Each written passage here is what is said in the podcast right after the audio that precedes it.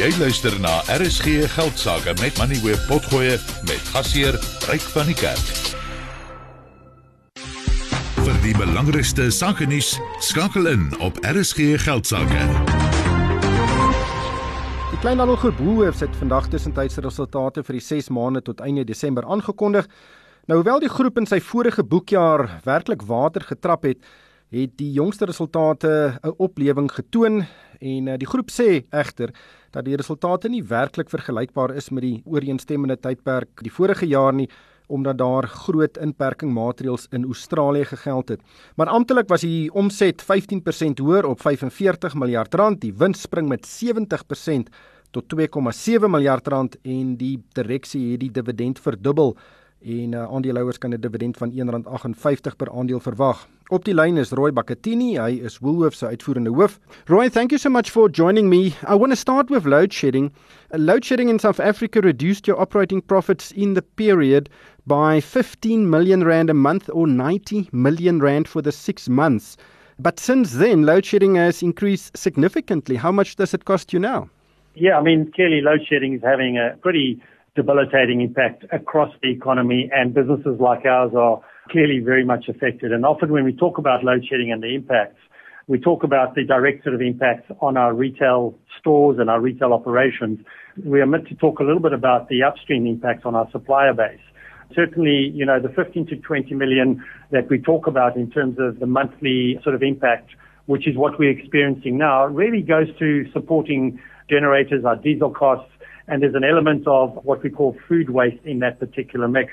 It is quite meaningful, but yeah, we're working with our supplier base and through our business to mitigate many of these and set up more permanent sort of alternatives as we go forward, given that we don't think this issue is going to go away anytime soon. But in your food business, your competitive advantage is your cold chain. You can keep products cooled from tree to store. How has this been affected? And, and I assume it ties up with what you've just said. Your upstream suppliers may face maybe bigger challenges than you. Yes, Rick. I mean, so that's really quite critical to us, particularly on the food side. I mean, we don't see this negatively impacting our cold chain. That cold chain and the underpin that provides to the quality offering that we have is sacrosanct to us. I mean, you know that if our cold chain is broken for more than eight consecutive minutes, we then sort of take those products off the shelf or out of the refrigerators and we put them into our distribution network. We accelerate that through and then the food goes to our food banks and charities, but it's earmarked not for sale. So we are very diligent in that and very specific. And in fact, we've seen customers reward that with the trust that they have in the brand. We've actually seen an interesting growth in customer through this recent times of load shedding. Customers that may have shopped Woolies, had gone elsewhere, are now returning to Woolies, particularly because of this commitment around quality. Let's talk about David Jones. You bought this Australian business in 2014 for 21.5 billion rand. You sold it late last year, but you haven't disclosed the amount of this transaction. But it's rumored to be around 1.5 billion rand, which represents a significant loss. Has the final price been determined? We haven't disclosed any sort of final sort of uh, details on the transaction yet, Ray. I mean, we're still obviously trading the business. We still own the business and we're looking to close out on the transaction, in fact, at the end of this month. So our plans are in place to deliver against that. And as you say, I mean, this has been a very particularly painful sort of probably understatement, painful journey for us and for our shareholders. We've addressed that though quite emphatically. I mean, we've turned this business around in the last two to three years. It is profitable. It is cash generative. It's self-funding.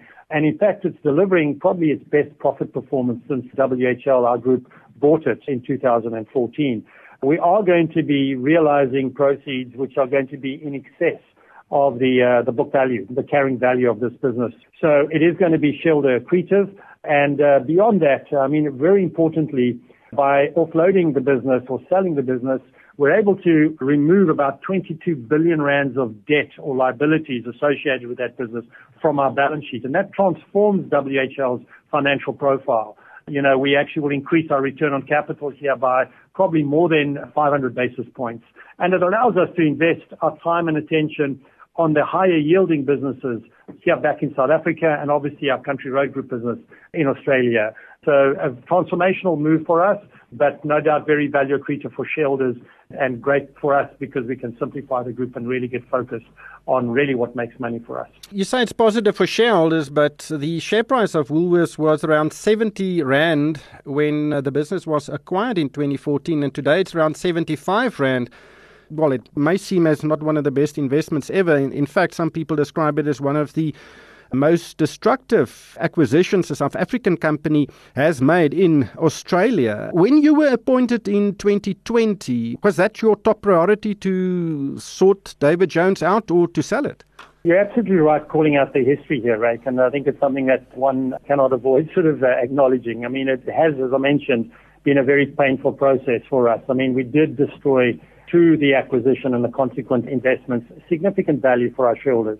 Since 2020, yes, I mean, it was a major priority for me on joining the company was to resolve this. And uh, my point that I make earlier on is that we re-strategized the business, restructured balance sheets, and we basically turned this business around to enable us now to offload it. It isn't a great strategic fit for us, and even financially, even though it's turning in really good profits, these don't represent the type of investment we want, and they certainly don't generate the returns that we would expect to see. We'd rather make those investments in our own businesses back here in South Africa and our Country Road Group business uh, in Australia. So when I said it's value accretive, I'm saying as it stands today, as we offload this, this is of benefit, significant benefit, in fact, to our shareholders, given the balance sheet impacts alone. Let's talk about your operational performance uh, during the period. It has been a, a, good period for Woolworths. Can you maybe put it into perspective? You know, we are living in tough times. There are lots of pressures on consumers, maybe not so much at the top end. But how do you think shareholders should look at your operational performance during this period? I think you can see from the numbers we have shared, like the overall numbers are supported by very strong underlying performances of all of our businesses. Historically, when we've shared results, there's always been one or two of the businesses that have been not performing to expectation.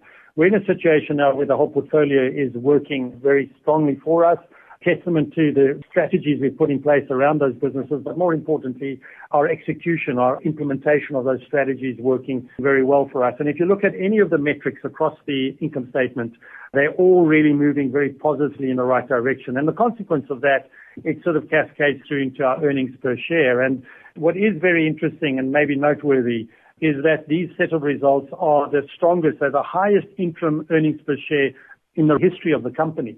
So really an interesting high watermark here for us. And as I say, we now have the strongest balance sheet we've had in the better part of 10 years, having paid off over 12 billion rands worth of debt. And we've also basically revised our dividend policy here, and dividends are up by almost 100% in this interim process. Dankie Roy, dit was Roy Bakatini, Woolworths uitvoerende hoof. Die grootste wins, 6 maande wins ooit in hulle geskiedenis. Ek het dit nie verwag nie, Johan. Ja, dit is uh, dis baie baie goeie verrassing ryk en uh, ek dink duidelik was hy baie skoolgelde betaal ryk, maar ehm um, ja, met hierdie transaksie wat hopelik nou binnekort afgehandel gaan wees, 22 miljard rand se laste van die balans staat af bestuur wat weer gefokus kan wees op die besighede wat werk en ek dink aandeelhouers het kan net hierso 'n beter vooruitsigte hê op hierdie aandeel. Ja, Roy Bagatini het 'n baie groot verskil gemaak sedert hy by wat is dit, een mooier oorgeneem het. Mm -hmm. Uh wat natuurlik met groot vanvare daardie David Jones transaksie beklink het. Jy het geluister na RSG Geldsaake met Money where potgoe elke weeksdag om 7 na middag.